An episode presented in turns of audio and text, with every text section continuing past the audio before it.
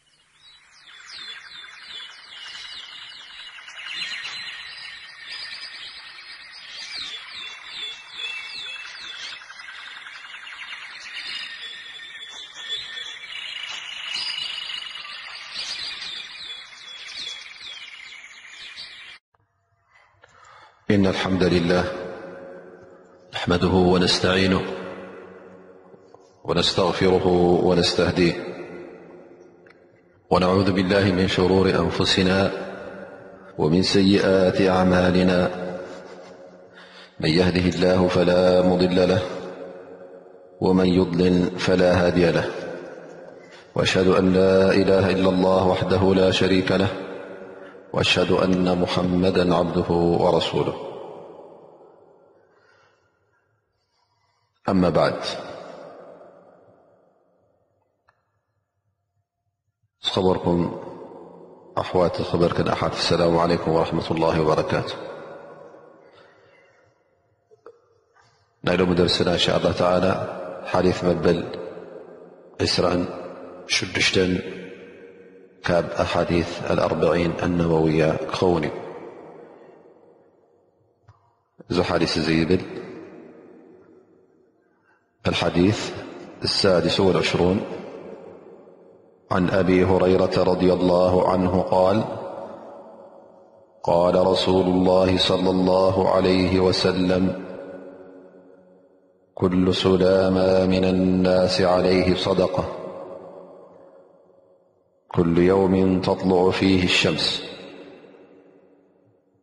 قال تعدل بين اثنين صدقة وتئين الرجل في ذابته فتحمله عليها أو ترفع له عليها متاعه صدقة قال والكلمة الطيبة صدقة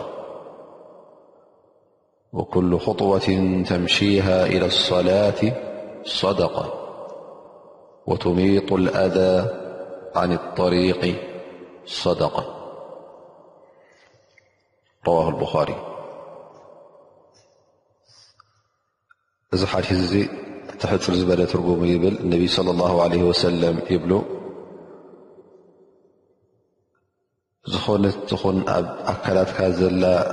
ዓፅሚ ትንቀሳቐስ ሰደቃ ከተውፅኣላ የድሊ እዩ። መዓልታዊ ሰደቃ ኩሉ መዓልቲ ፀሓይ ትበርቀሉ መዓልቲ ሰደቃ ከተውፅኣላ ይግበኣካ። ክልተ ሰባት ኣብ መንጎኦም ኣቲኻ ክትተዓርቆም ከለኻ እዚ ሰደቃ እዩ። ሓደ ሰብ እውን ኣብ መወጥሒቱ ክውጣሕ ማለት ዝውጣሓ መጓዓዝያ በቕሊ ትኹን ፈረስ ትኹን ኣድጊ ትኹን ክድይባ እተ ሓጊዝካዮ እዚ ንገዛእ ርእሱ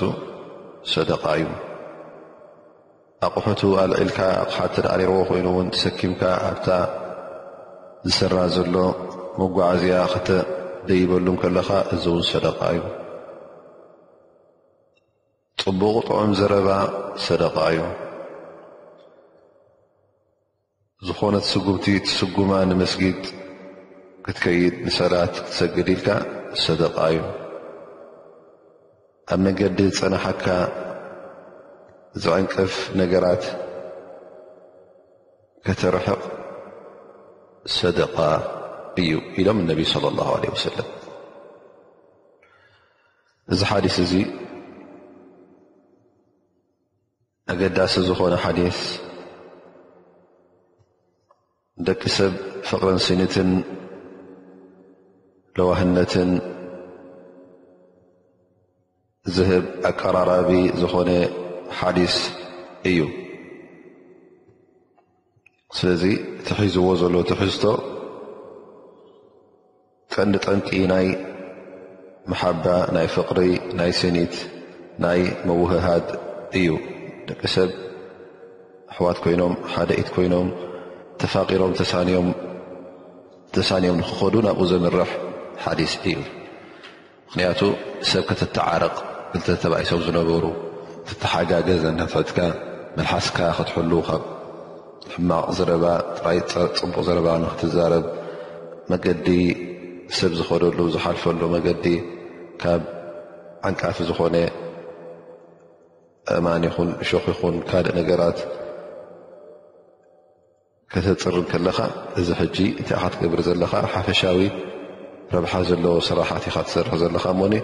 እዚ ሓዲስ እዚ ናብኡ ዩ ዘተኩር ዘሎ ነቢ صለ ላه ለ ወሰለም ኣብዚ ሓዲስ እዚ ይብሉ ኩሉ ሱላማ ኢሎም ማለት እዚ ኣብ ኣካላትና ዘሎ ኣዕፅምቲ ከም ድላይና ንዓፃፅፎን ንቀሳቅሶን ዘለና ሕጂ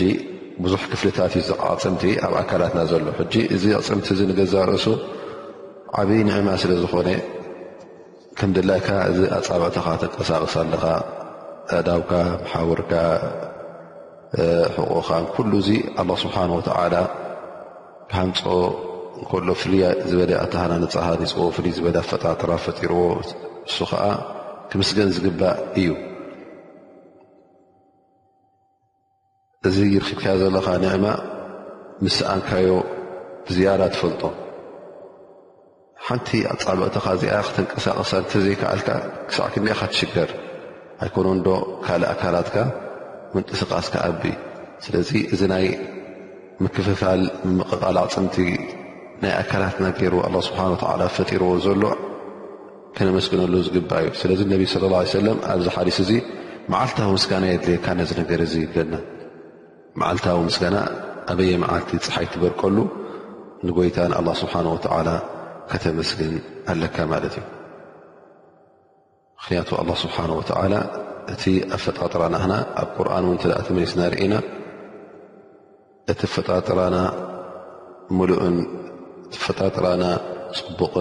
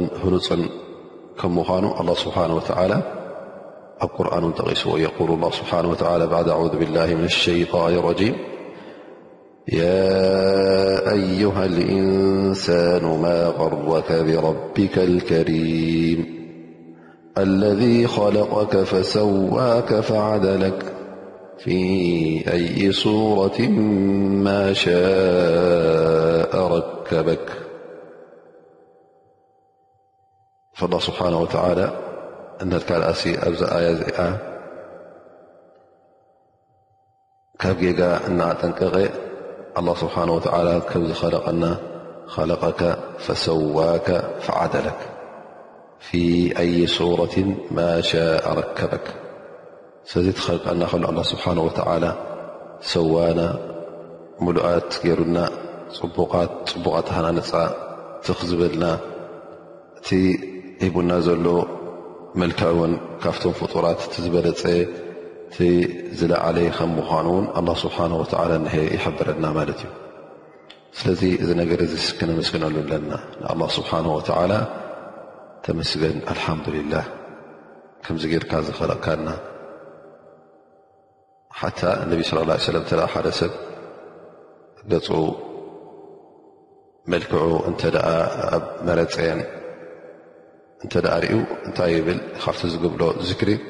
ኣላሁመ ከማ ሓሰንተ ኸልቂ ሓሲን ክሉቅ ስለዚ እቲ ኣንታ ጎይታይ ከምቲ መልክዐይ ዝፀበቕካዮ እቲ ጠበያይ ድማ ኣፀበቐለይ ኣመልክዓለይ ትብል ማለት እዩ ዝዱዓ እዚ መርፀ ክትርኢ ከለኻ እንታይ ማለት እዩ ዝሕጂ ኣላ ስብሓን ወተላ እቲ ሂውና ዘሎ ንኩላህና ዝኾነ ይኹን ወዲ ሰብ ተዋሂብዎ ዘሎ እቲ ኣፈጣጥራ ናቱ ልኡል ኣፈጣጥራ ፅቡቕ ኣፈጣጥራ ከም ምዃኑ እዩ ዘርእየና ማለት እዩ ስለዚ እዚ ኩሉ ምስጋና የድልዮ እዩ ኣላ ስብሓን ወተላ እቲ ምስጋና እውን ሓደ ካብቲ ዒባዳ እንገብሮ ንጎይታ ንኣላ ስብሓን ወተዓላ ኣጅር ንረኽበሉ ጉዳይ እዩ ኣብ ብዙሕ ኣያታት እውን ኣላ ስብሓን ወተዓላ ከነመስግን ሓቲቱና እቲ ምስጋና ድማ ኣብ ክልተ ክንመቕሎ ንኽእል ወይ ከዓ ኣብ ክልተ ክምቀል ይከኣል እቲ ሓደ ምስጋና ዝበሃል ሽኩር ዋጅብ ይኸውን ማለት ግዴታ ካባኻ ይድለ ማለት ነዚ ምስጋና እዚ ግዴታ ክትፍጽሞ ኣለካ እቲ ካልኣይ ከኣ ሽኩር ሙስተሓብ ፍቱው ዝኾነ ዝያዳ ካባኻ ዝድለ ማለት እዩ እቲ ግዴታ ዝኾነ እቲ ዋጅብ ዝኾነ ነዚ ነገር እዚ እንተ ዘይፈፀምካዮ ከዓ ገበን ዝፅብፀበልካ ጥራይ ናይ ምስጋና እዩ እቲ ግብራዊ ምስጋና እቲ ኣላ ስብሓን ወተዓላ ዝኣዘዘካ ዋጅባት ግዴታታት ክትፍፅም ማለት እዩ እዚ ዋጅብ እዚ እዚ ግዴታ እዚ ብቓል ክትብሎ ትኣዘዝካዮ እተ ኮንካ ወይ ውን ማለት መልሓስካ ወይ ውን ብግብርኻ ክትገብሮ ክትፍፅሞ ተኣዘዝካ ወይ ውን ብገንዘብካ ክትገብሮ ተኣዘዝካ እዚ ኩሉ ብትእዛዝ ኣላ ስብሓን ወተዓላ ዝመፀካ ዋጅባት ክትፍፅሞ እንከለኻ ነቲ ትእዛዝ ኣላ ስብሓን ወተዓላ ስለ ተቐበልካ እቲ ዝግባእ ምስጋና ትገብር ኣለኻ ማለት እዩ ከምኡ እውን እቲ ኣላ ስብሓን ወተዓላ ዝሓረሞን ዝኸልከሎን ካብኡ ክትክልከል እንከለኻ ምክንያቱ ኣላ ስብሓን ወተዓላ እዚ ትግበር እንተ ኢሉካ እዚ ሓራም እዩ እዚ ሓሪመልካ እየ እተ ኢሉካ ንኡ ክትገድፍ ካብኡ ክትቁጠብ እንከለኻ እቲ ምስጋና ዝግባእ ምስጋና ተመስግን ኣለኻ ማለት እዩ ምክንያቱ ቀንዲ ምስጋና ጣዓት ላህ ወልብትዓድ ዓማ ሓረም ኣላ ንኣላህ ስብሓን ወተዓላ ምእዛዝ ካብ ዝኸልከለካ ምኽልካል እዚ እቲ ቀንዲ ምስጋና ንጎይታ እዩ ምስጋናኻ ትርኢ ኣለኻ ማለት እዩ እቲ ዝሃበካ ጥዕናን እቲ ዝሃበካ ፈጣጥራን እቲ ዝሃበካ ኩሉን ተመስግን ኣለኻ ማለት እዩ ፈሽክሩ ከማ ቃል ሰለፍ ኣሽክሩ ተርኩ ልመዓሲ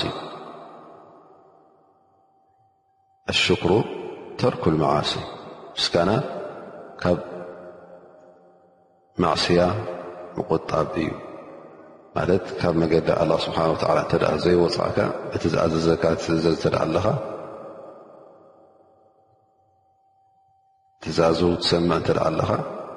እዚ ንገዛእ ርእሱ ምስጋና እዩ ኢሎም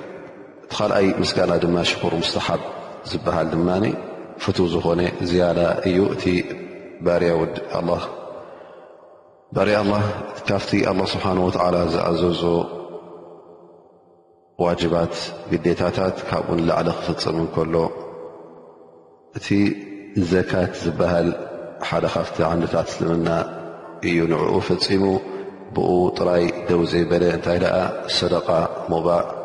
ብዝያዳ ንመሳኪን ዝህብ ሰላት እተን ፈርዲ ጥራይ ዘይኮነ ሱና ዝሰግድ ሱና ቅድሚ ፈርዲ ዝስገድ ይኹን ድሕሪ ፈርዲ ዝስገድ ይኹን ሰላት ሌል ይኹን ብለይቲ ዝስገድ ሰላት ኣዱሓ ይኹን ኣብ ረፍዲ ዝስገድ ሰላት ነዚ ክትሰግድ ከለኻ ውን እዚ ሕጂ ዝያዳ ምስጋና ተርኢ ኣለኻ ማለት እዩ ንጎይታና ኣላ ስብሓን ወተዓላ እንተ ደኣ ተኻኢሉ ውን ሓጅ ሓንሳዕ ፈርዲ እያ፣ ካልኣይ ግዜ ሳልሳይ ግዜ ክትሕጅጅ እንከለኻ፣ ዑምራ ከምኡ ውን ኣብ ክንዲ ሓንሳእ ሓንሳእ ጌርካ ስቕ ትብል ዕድል ረኺብካ ክእለት ረኺብካ ክልተ ሰለስተ ሻዕ ክትደጋግም ከለኻ እዚ ኩሉ እንታይ ይኸውን ማለት እዩ ዝያዳ ንጎይታ ንኣላ ስብሓን ወተዓላ በቲ ትገብሮ ዘለኻ ጣዓ በቲ ትገብሮ ዘለኻ ኣምልኾት ተመስግኖ ኣለኻ ማለት እዩ። ስለዚ ነቢና ሙሓመድ ስለ ላ ሰለም እቶም ብፆቶም ውን ክትሪኦም ከለኻ እሶም ኣብነትና እዮም እቲ ዝገብርዎ ነበሩ ስራሓት ኩሉ ክትቅብ ከለኻ ጥራይ ኣብቲ ዋጅብ ዝኾነ ደው ብሉ ነበሩ ንእንታይ ደኣ ብዝከኣሎም መጠን እቲ ኩሉ ጎይታ ዝፈትዎ ከማልኡ ዝያዳ ክውስኹ እዮም ዝፈትዉ ነይሮም ነዚ እውን ይገብሩ ነይሮም ማለት እዩ ስለዚ ኣቡበክር ኣሰዲቅ እንተ ርእና ሓደ ግዜ ኣብ ሓንቲ መዓልቲ ይፀውም ሶም ናፊላ ማለት ዩ ዋጅብ ዘይኮነ ሊላ ኢሉ ይፀውም ሰደቃ የውፅእ ጀናዛ ማለት ቀብሪ ሰብ ዝሞተ እተ ቀበር ኮይኑ ይስዕብ ይቀብር ምሰቡ ሕሙም እንተ ኣሎ ኮይኑን ሕሙም ከይዱ ይርኢ እዚ ኩሉ ኣብ ሓንቲ መዓልቲ የማልኦ ነይሩ ማለት እዩ እዚ ኩሉ ሕጂ ክገብሩ ከሎ ነዋፍል እዩ ዋጅብ ዘይኮነ እንታይ ደኣ ንኩሉ ረቢ ስለ ዝትፈትዎ ይፍፅሞ ነይሩ ማለት እዩ ኣብዚ ሓዲስ እዚ ካብቲ ዝተጠቕሰ ሰናይ ተግባራት ከም ሰደቃ ዝቁፀረልካ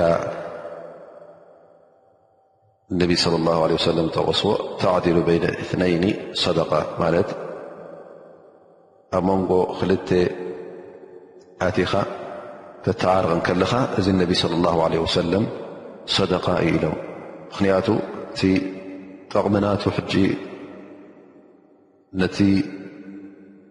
ተባኢሱ ዘሎ ሰብ ነቶም ክልተ ተባኢሶም ዘለዉ ምትዕራቕ ንኦም ጥራይ ዘይኮነ እንታይ ደኣ እቲ ኩሉ ህብረተሰብ እውን ካብዚ ክጥቀም እዩ ካብ ሓሰት ካብ ምንቑቓት ካብ ምበኣስ ተድሐን ኣለኻ ማለት እዩ እንተ ደኣ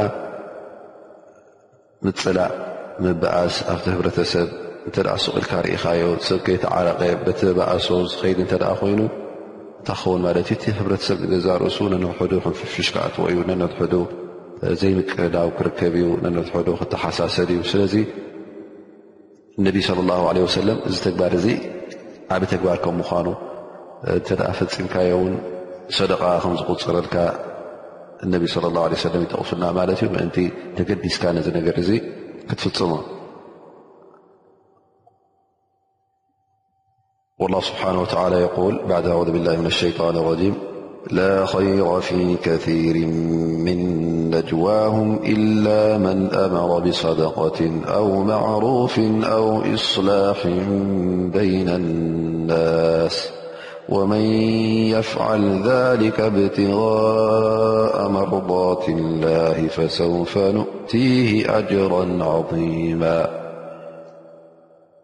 ኣላ ስብሓን ወተላ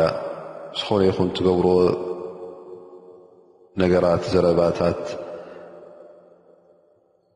ኼር የብሉን እንተ ደኣ ንሓደ ሰብ ሰናይ ሰደቓ ንክገብር ፅቡቕ ንክገብር እንተ ደኣ ዘይእትእዝዙ ኮንኩም ኣው ንቡር ነገር ፍትው ነገር ንክገብር እንተ ደኣ ዘይትዛረቡ ኮንኩም ወይ እውን ኣብ መንጎ ሰባት ዓቲኹም ከተተዓርቑ እንተ ደኣ ዘይኮንኩም እንተ እዚ ነገራት ዘይትገብሩ ኮንኩም ትገብርዎ ዘለኹም ኩሉ ኸይረ የብሉን ማለት እዩ ግን እዚ ኣብዚ ኣያ ተጠቕሰ ናይ ሰደቃ ጉዳይ ናይ ነብሩ ጥዑም ፅቡቕ ነገር ምግባር ናይ ምትዕርራቕ እዚ ነገር እዚ ሊላ ኢልካ እንተ ጌርካዮ ኣላ ስብሓን ወተዓላ ዓብዪ ኣጅሪ ኣዳልልካ ከም ዘሎ ኣብዚ ኣያ እዚኣ የብርሃልካ ማለት እዩ እቲ ምትዕራቕ ውን ዝበልናዮ ሕጂ እቶም ተተዓርቖም ዘለኻ ምናልባሽ ሰብኣይን ሰበይትን ይኾኑ ስድራ ይኾኑ ነዚ ስድራ እዚ ተዕቅብ ማለት እዩ በቲ ምትዕረቓእካ ምትዕራቕ ውን ሰናይን ፅቡቕን ከም ምኳኑ ናይ ሰብኣይን ሰበይትን ኣላ ስብሓን ወተዓላ ይብል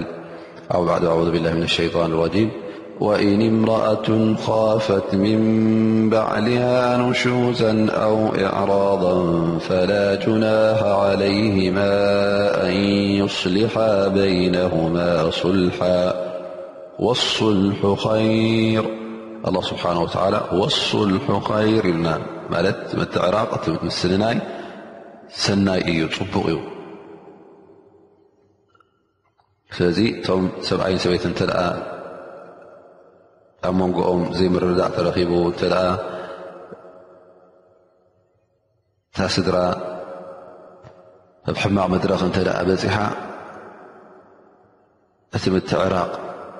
ፅቡቕ እዩ ኣድላይ እዩ ዝብለና ዘሎ ኣላ ስብሓን ወተላ ስለዚ ሰብኣይን ሰበይትን ካብ ምፍልላይ ኣድሒንካ ክተተዓርቆም ከለኻ እዚ ሕጂ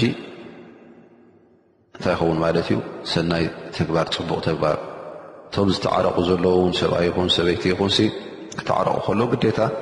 ካብ ሓዲኦም ተረኸበ ጉድለት ክኸውን ይኽእል እዩ ካብ ክልቲኦም ክኸውን ይኽእል እዩ ስለዚ ክልቲኦም ሲ እንተ ምእንቲ ዕርቂ ንክርከብ ኣብ መንጎ ክልቲኦም ምእንቲ ስኒት ንክርከብ ካብቲ መሰላቶም ሰብኣይ ይኹን ሰበይቲ ይኹን ገለ ካብኡ ተናዙል ክትገብር እንከላ ኣነስ ደሓነይ ክትብል ከላ ይቕረ ክትብል እንከላ ነዘን ነገራት ኣብ ምእንቲ ምትዕራቕ ኢላ እዚ ሕጂ ር ይኸውን ፅቡቕ ይኸውን ማለት እዩ ፈኢዘን እቲ ምትዕራቕ ምናልባሽ ኣብ መንጎ ሰብኣይን ሰበይትን ክኸውን ይኽእል እዩ ኣብ መንጎ ክልተ ሰባት ተባእሱ ፈተቁ ላ ኣስሊሑ ዛተ በይኒኩም ኣብ መንጎ ክልተ ወገናት ክኸውን ይኽእል እዩ ማለት እ ቤተሰባ ل قبيلتات هجراتب ممكن العنق لينا لأن الله سبحانه وتعالى نتأعوذ بالله من الشيان ارجيم وإن طائفتان من المؤمنين قتتلو فأصلحوا بينهما إذ ت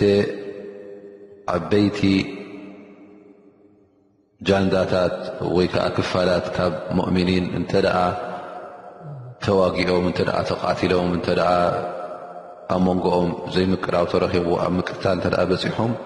ኣላ ስብሓን ወተላ እንታይ ብለና ኣስሊሖ በይናኹም ኣተዓረቕዎም ኢኹም ስለዚ እቲ ምትዕራቕ ሕጂ እንታይ ይኸውን ኣሎ እንታይ ሸእ ወስድ ኣሎ ማለት እዩ ላ ብመጠን ሃገር ብመጠን ማሕበረሰብ ብመጠን መንግስታት እንተ ደኣ ግርጭት ተረኺቡ እውን ኣብዚ እውን ዕርቂ ንኽርከብ ክትቃለስ ከም ዘለካ ብክእለትካ እዩ ዝሕብር ዘሎ ማለት እዩ ስለዚ እቲ ንሰብ ኣብ መንጎ ሰብ ኣቲኻ ከተተዓርቕ እዚ ካብቲ ኣላ ስብሓን ወተዓላ ዝፈትዎ እዩ በል እነቢ ስለ ላ ለ ሰለም ብዝያዳ ካብቲ ኣብ እስልምና ንኽትሕሱ ዝተፈቕደካ መዓስ እዩ እንተ ደኣ ሰባት ተባኢሶም ነበሩ ንዕኦም ንኸተዕሪ ናኸተዓርቕ ኢልካ ክተቀራርብ ኢልካ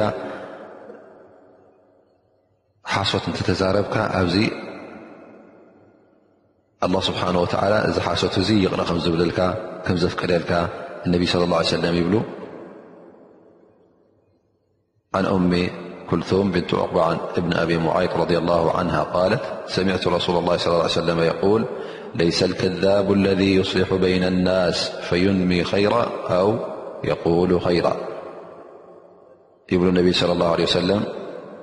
እቲ ኣብ መንጎ ሰብ ኣትዩ ዘተዓርቕ ሓሳዊ ኣይኮነን ምእንቲ ሰናይ ምእንቲ ኸይር ኢሉ ወላ ውን ዘይተባህለ ክብል እንከሎ እዚ ሕጂ ንሰናይ ስለ ዝደለየ ሓሶት ኣይቁፀረሉን እዩ ማለት እንታይ ማለት እዩ ሕጂ ክልተ ሰባት ከተተዓርቑ ምልካ መፅእካ ሕጂ ነቲ ሓደ ክትዛረቡ ከለኻ ኣንታ ክስቶ እዚ ፉላን እኮ እስኻ ምስኡ ተባኢስካ ዘለኻ ኢልካ ሕጂ እሱስ ንምሳኻ ንኽትዓረቕ ድልው እዩ እዩ ዝብል ዘሎ ሕጂ ከይበልካ ከሎ ዩ እሱ ክትዓረቕ ምእንቲ እንታይ ክትገብር ኢልካ ኢኻ ምእንቲ ባብ ክትከፍት ንኣኖ ገለገለ ሰባት እተ እስኻ ትተዓረቕ ድልው ኢኻ እተ ኢልካዮ እንታይ ይፅበ ማለት እዩ መጀመርያ እቲ መባእስተይ ንሱ እተ ድልው ኮይኑ ኣነ ድልው እየ ዝብል ኣሎ ማለት እዩ ስለዚ ከምዚ ትብል ማለት ዩ ሱቅ ንክተዓረቕ ድልው ከይበለካ ከሎ ተዳልየ ከለኩ ሓደ ነቲ ሓደ መፅእካ እቲ መባእስትካ ኮ ተዛሪበዮ ሞኒ ክምስኻ ንክተዓረቕ ድልው እዩ ገለምታት ትብሎም ከለካ ሕጂ እዚ ሓሶት ኣይቁፅረልካን ማለት እዩ ስለምንታይ ንሰናይ ንር ስለ ዝሓሰብካ ማለት እዩ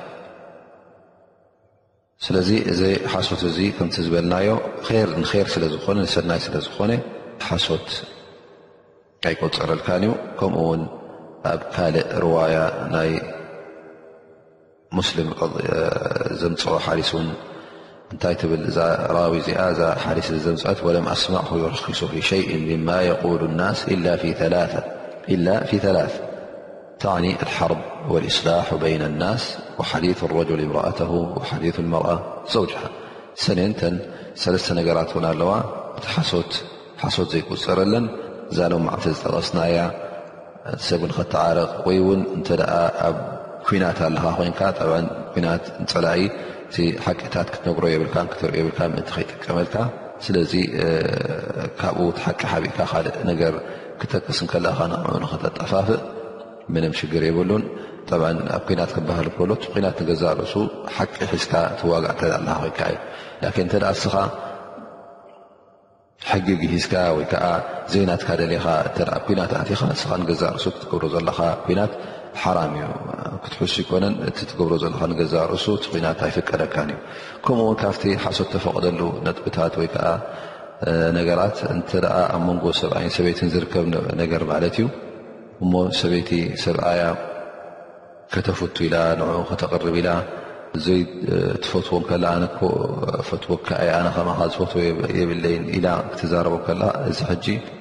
ወይ ከዓ ሰብኣይ ከምኡ ገይሩ ክዛረባ ከሎ እዚ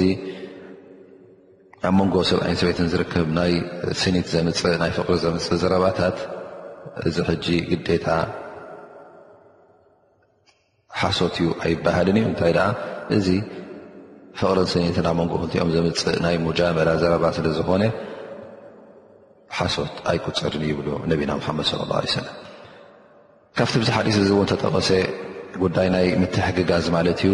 ዝኾነ ሰብ ክትሕግዞ ከለኻ ወላ እውን ንስኻ ብዓይንኻ ንእሽተይ ኮይና ትረኣኻ ላኪን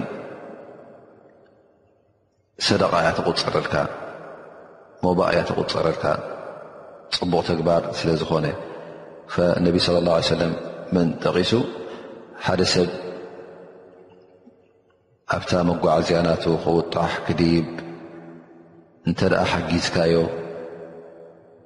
ቀደም ክኸዱ እንከለዉ ኣብ ምንታይ እዮም ዝሰሩ ነይሮም ኣብ ገመል ኮይኑ ወይ ከዓ ኣብ በቕሊ ኣብ ፈረስ ሕጂ ገለ ሰባት ክድይብ ዝሕግዞ ይደሊ ማለት እዩሞ ሕጂ ሰኻ መፅዓብልካ ድፋ ኣቢልካ ሕግዝ ተቢልካዮ እዚኣ ንገዛ ርእሳ ሰደቃ እያ ትቁፅር ኣቕሓ ወዲቕዎ ወይ ከዓ እቲ ኣቕሓናቱ መጽዓን ገይሩ ክኣስር ሕጂ ካልኣ የድልዮ እተ ኮይኑ ንስኻ መጽእካ ትሕግዞም ከለኻ መፅዓን እናኣሰረ ከሎ እዚ ሕጂ ሰደቃ እዩ ዝቁፅረልካ ማለት እዩ ሕጂ እዚ ምትሕግጋዝ እዚ ክርከብ እንከሎ እንታይ እዩ ዝርከብ ዘሎ ማለት እዩ ሕጂ ኣብ መንጎኻን ኣብ መንጎ እቲ ተሓገዝካዮ ሰብን ፅቡቕ ርክብ ኢኻ ትፈጥር ዘለኻ ማለት እዩ እዚ ሰብ እዚ ፅቡቕ ትገብርሉ ዘለኻ ዳራጂ በየነ ብምንታይ ዓይኒ ዩ ክርእካ ብናይ ዓይኒ ፍቕሪ ብናይ ር ዩ ክርእካ ማለት እዩ ሕጂ ኣብ መንጎቲ ህብረተሰብ ዝኩሉ እተ ከምዚ ገይሮ ዝተሓጋገዝ ኮይኑ እንታይ ክርከብ ማለት እዩ ስኒት ይርከብ ማለት እዩ ወይ ቁል ስብሓን ወተላ ወተዓወኑ ዓላ ልብሪ ወተቅዋ ኢሉ ኣዚዙና እዩ ኩሉ ሰናይ ዘብኡ ፅቡቕ ነገር ፍርሃት ረቢ ዘለዎ ነገራት ኣብኡ ተሓጋገዙ ኢኹም ኢሉና ወላ ተዓወኑ ዓላ ልእትሚ ወልዕድዋን ላኪን እቲ ኣብ ማዕስያ ዝወስድ ኣብ ዘንብን ኣብ ሓጢኣትን ዘእቱ ነገራት ኣብ ዘይናትካ ምድላይ ሕግን ገደብን ምጥሓስ ኣብኡ ግን ኣይትተሓጋገዙ ኢሉና እዩ። ስለዚ እዚ ምትሕግጋዝ እዚ እንታይ ይፈጥር ኣብቲ መንጎ ህብረተሰብ ኣስላም ናይ ስኒትን ናይ ፍቕርን ይፈጥር። ድሕሪኡ እውን ነቢ ስለ ላ ሰለም እንታይ ጠቕሱ ኣልከሊመቱ ጠይባ ሰደቃ ይብልና ወልከሊመቱ ጠይባ ሰደቃ ማለት ፅብቕቲ ዘረባ እውን ንገዛ ርእሳ ሰደቃ እያ ጥዕምቲ ቃል ሰደቃ እያ ከመይ ማለት እዩ ንኣብነት ሓደ ሰብ ሰላም ኢሉካ ሰላም ክትምልሰሉ ከለኻ ዚክር ላ ክትገብር ከለኻ ላላ ላ ስብሓና ላ ኣልሓምዱላ ክትብል ከለኻ እዚ ሕጂ እውን ሰደቃ እዩ ሓቂ ክትዛረብ ከለኻ ቅንዕቲ ዘረባ ክትዛረብ ከለኻ ምስክርነት ሓቲትካ ቁኑዕ ጌርካ ዝሰማዕካዮ ክትምልስ ከለኻ ክትምስክር ከለኻ እዚ ጥዑም ዘረባ እዩ ኣምር ብልማዕሩፍ ወነሃይ ዓን ሙንከር ሰደቃ እዩ ማለት ሓደ ሰብ ክጋገ እንተ ርኢኻዮ ካብ ሸርዒ ዝወፀ ካብ ትእዛዝ ኣላ ስብሓን ወተዓላ ዝወፀ ተግባር ክፍፅም እተ ርኢኻዮ ጌጋ እዩ እዚካ ክትብሎም ከለኻ ወይ እውን እንተ ገለ ነገራት ዝገደፎ ካብቲ ትእዛዛት ኣላ ስብሓን ወተዓላ እንተ ኣሎ ኮይኑ እዚ ረቢ ዝፈትዎ ኢልካ ከምዚ ኣ ግበር ኢኻ ክትብሎም ከለኻ እዚ ሕጂ ንገዛእ ርእሱ ጥዑም ዘረባ ፅቡቕ ዘረባ እዩ ሓደ ሰብ መንጎኛ ኣድልይዎ ሞስኻ መፅእካ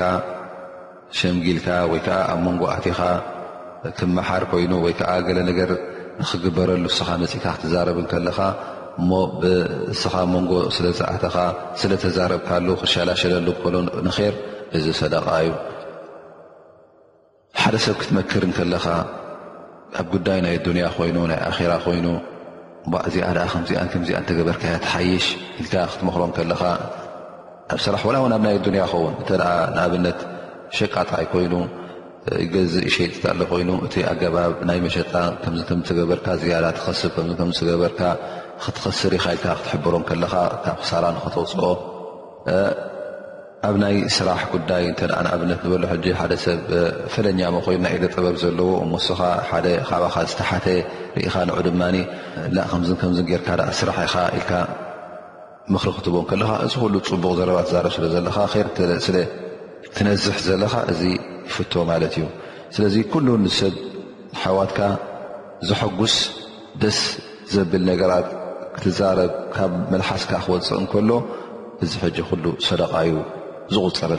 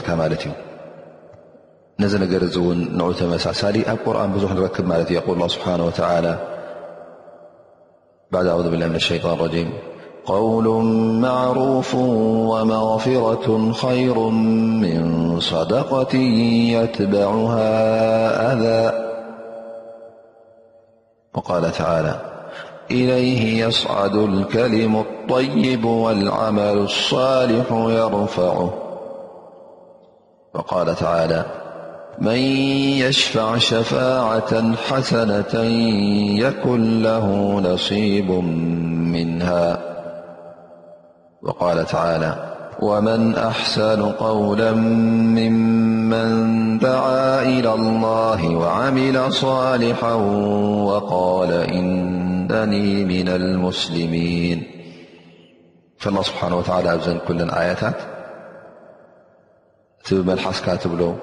ትዛረቦ ንር ንዳዕዋ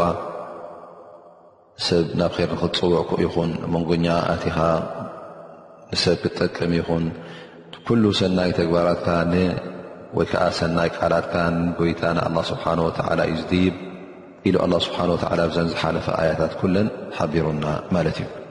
ከምኡ ውን ካብተን ኣብዚ ሓዲስ ዝተጠቐሳ ከም ሰደቃ ኣነቢ ለ ላ ለ ወሰለም ዝሓበረና ነቲ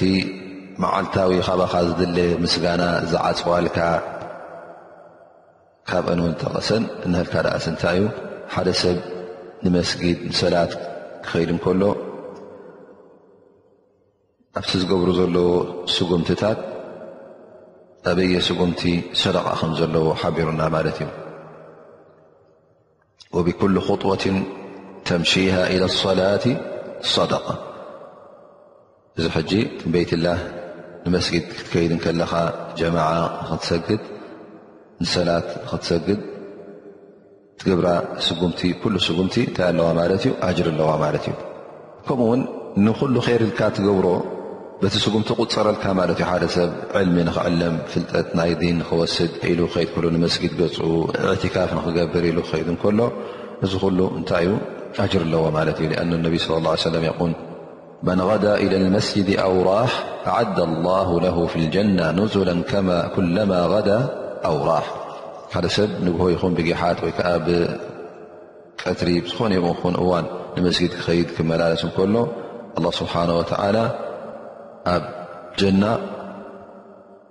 ፍልይ ዝበለ ቦታ እዩ ዝገብረሉ ኩለማ غዳ ኣውራህ ኣብ ዝኸደሉን ኣብ ዝተመለሰሉን ስለዚ ብንግሆ ክኸይድ ከሎ ማለት እዩ غዳ ረውሕ ናይ መጨረሻ መዓልቲ ክትከይድ ከለኻ ማለት እዩ ስለዚ ኣብ ኩሉ ግዜያት ማለት እዩ ብንግሆ ትኸዶ ብቐትሪ ትኸዶ ኣብ ኩሉ ግዜያት ንመስጊድ ገፅካ ክትከይድ ከለኻስ ኣላ ስብሓን ወተዓላ ፍልይ ዝበለ ደረጃ ኣብ ጀና ከም ዝገብረልካ ጀና እውን እቲ ቦታኻ ከም ዝፍለየልካን ከም ዝውሰነልካን ኩሉ ግዜ እውን እናደረበን እናወሰኸን ከም ዝኸደልካን እዩ ዝሓዲስ እዚ ዘርእየና ዘሎ ኩለማ ቀዳ ኣውራሕ ኣብ ዝኸድካዮ እቲ ቦታኻ እናዓበየ ይኸደልካ ማለት እዩ በዚ ነቢ ስለ ላ ሰለም ሓደ ግዜ ካብቶም በኒ ሰለማ ዝተባሃሉ ስድራ ቤት ነይሮም ካብ መስጊድ ርሕቕ ኢሉ ዩ ትገዝኦም ሕጂ ኣብ ጥቓ መስጊድ ገዛ ረኺቦም ናብኡ ንክቕይሩ ምስ ሓሰቡ ናብኡ ንክሓልፉ እነቢ ስ ሰለም ይብሎም ያ በኒ ሰለማ ኣነስ ከምዝሰሚዐ ገዛ ክትቅይሩውን ንጥቓ መስጊድ ክትመፁ እወ ያ ረሱላላ ኢሎምም ላ ያ በኒ ሰለማ ኢሎምም ድያሩኩም ትክተብ ኣታሩኩም ቦታኹም ድኣ ኣብ ገዛኹም ኣብኡ ሕሸኩም ምክንያቱ እቲ ትመፅዎ ዘለኹም ብእግርኹም ትጓዓዝዎ ዘለኹም ሲ ዝያዳ ኣጅር ኣለዎ ዝያዳ ፈሊ ኣለዎ ስለዚ ኣብ ጥቓ መስጊድ ምዃንኩም ዝያዳ ፈሊ ትረኽቡ ኣይምሰልኩም እንታይ ደኣ ኣብቲ ዘለኹም ቦታ ርሒቕኩም ከለኹም እቲ ትመፅዎ ዘለኹም ብንግሆን ጊሓትን ምሸትን ስጉምትታት ብገዛእ ርእሱ ኩሉ ብኣጅሩ እዩ ዝቑፅረልኩም። ስጉሞ ስጉምቲ እግርኻ ከተንብርን እግርኻ ከተልዕልን ከለኻ እዚ ኣጅሪ እዩ ዝኸትበልካ ማለት ስለዚ ጥቓ መስጊድ ምዃንካ ዝያዳ ኣጅሪ ዘለዎ ኣይምሰልኩም እንታይ ደኣ ተረሒቑ ዘሎ ካብ ኔው ዝመፅእ እሱኢቲ ኣጅሪ ዝያዳ ዝረክብ ኢሎም እነቢ ስለ ላ ሰለም ይሕብሮ ማለት እዩ ምክንያቱ ጥቃ መስጊድ ዘሎ ዓሰርተ ስጉምቲ ክስጉም እንከሎ እቲ ካብ መስጊድ ሒቁ ዘሎ ሚቲ ስጉምቲ ክሰጉም እንከሎ እቲ በዓል ሚቲ ስጉምቲ ዝያዳ ብልፀት ይረክብ ምክንያቱ ንመስጊድ ኢሉ ስለተበገሰ ንያናቱ ንከር ስለ ዝኮነ እታ መጨረሻ ዝጠቐሳ ከም ሰደቃ እትቁፅር እውን እነቢ صለ ላه ለ ሰለም ጠቐስዋ ወትሚጡ ኣዛ ዓን ጠሪቂ ሰደቃ ኣብ መንገዲ ገለ ንሰብ ዝጎድእ ነገራት ከም እምኒ መሰል ከም እሾኽ ከም ዕንፀይቲ ካልእ ነገራት እንተ ኣሎ ኮይኑ ንኡ ከተርሖም ከለካ ንሰብ ከይጎድእ እዚ ንገዛእ ርእሱ ሰደቃ ይብሉ ማለት እዩ ዓብዪ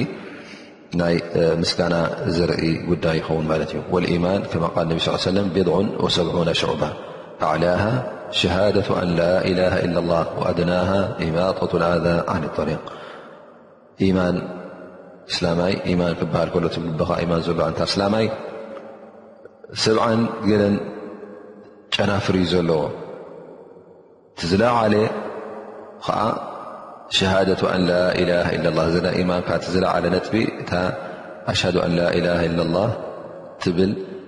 ኣላ ስብሓን ወተላ ሓደ ጎይታ ከም ምኳኑ ኩሉ ኣምልኾት እውን ንዑ ጥራይ ከም ዝግባእ ክትምስክር ከለካ እዚኣታ ዝለዓለት እያ እዚኣ ኣብ ልብኻ ትሓድረካ ከላ እቲ ዝተሓሰ ተግባር ካብ ኢማንካ ተበጊስካ እትፍፅሞ ኸዓ እንታይ እዩ? ኢማጠቱ ልኣዛ ዓኒ ጠሪቅ ኣብ መገዲ ዝፀናሓካ ጎዳኢ ዝኾነ ነገር ከተርሕቕ ከለኻ እዚ ሰደቃ ኣለዎ ወይ ከዓ ካብ ኢማን እዩ ዝቁፅር ኣጅሪ እውን ዓብ ኣጅሪ ኣለዎ። ስለዚ እዚ ሓዲስ እዚ ዝሒዝዎ ዝመፀ ፋይዳታት እንተ ርእና ዓበይቲ ፋይዳ እዩ ነይሩ ዓበይቲ ፋይዳ እዩ ዘለዎ ምክንያቱ እቲ ህብረተሰብ ብኹልንትንኡ ፅሩይ ንክኸውን ናይ ግዳማዊ ፅርትን ናይ ውሽጣዊ ፅርትን እዩ ዝርእየና ዘሎ ማለት እዩ ውሽጣዊ ፅርት እንታይ እዩ እ ልብኻ ንገዛእ ርእሱ ፅሩይ ንክኸውን ቅርሕንትታት ክተርፍ ፍቕርን ስኒትን ንክርከብ ሰብ ንኽተዓረቕ ይፅዋዕ ኣሎ ማለት እቲ ግዳማዊ ከዓ እቲ ኣብ መንገዲ ዝፀርሓካ ረስሓት ነገር ይኹን ረሳሕ ጎዳኢ ነገር ን ክትፀርግ ከለኻ እዚ ውን ሕጂ ፅሬት ናይ ግዳማዊ ይኸውን ማለት እዩ እዚ ሓሪስ እዚ ንልካ ደኣሲ ናብዚ እዩ ዝፅውዕ ዘሎ በዚ ሓሪስ እዚ እውን ኩሉ እስላማይ ተጠቒሙ ነይሩ ተዝኸውን ሃገራት ኣስላም ኩሉ ዝፀረየ ሃገር ምኾነ ነይሩ ምኽንያቱ እስኻ ርስሓታ መንገዲ ርኢኻ ክትርሕቆ ከለኻ ጎዳኢ ነገር ጥመን ጎዳኢ ክበሃል ኮሎ ዝኾነ ዝጎድእ ነገር ማለት እዩ ብርስሓቱ ይኹን ብእሾክ ኮይኑ ክወግኣካ ይኹን እምንኸ ኮይኑ ክዕንቅፈካ ይኹን ካልእ ነገራት ይኹን እዚ ኩሉ ጎዳኢ ዝበሃል ነገር ካብ መገዲ ባዕልኻ ፈቲኻ ኣጅሪ ክረክብ የልካ ክትፍፅሞ ከለኻ ሕጂ እንታይ ትረክብ ማለት እዩ ኣጅሪ ትረክብ ማለት እዩ ስኻ በቲ ድማ እቲ ሃገርካን ተዓድኻን ዝፀረየ ዓዲ ይኸውን ማለት እዩ ግን ካብዚ ነገር ዝርሕቕና ስለ ዘለና እቲ ሃገርና ሃገራትና ኩሉ ኣብቲ ዝግባእ ፅሬት በፂሑ ኣይንረኽቦን ማለት እዩ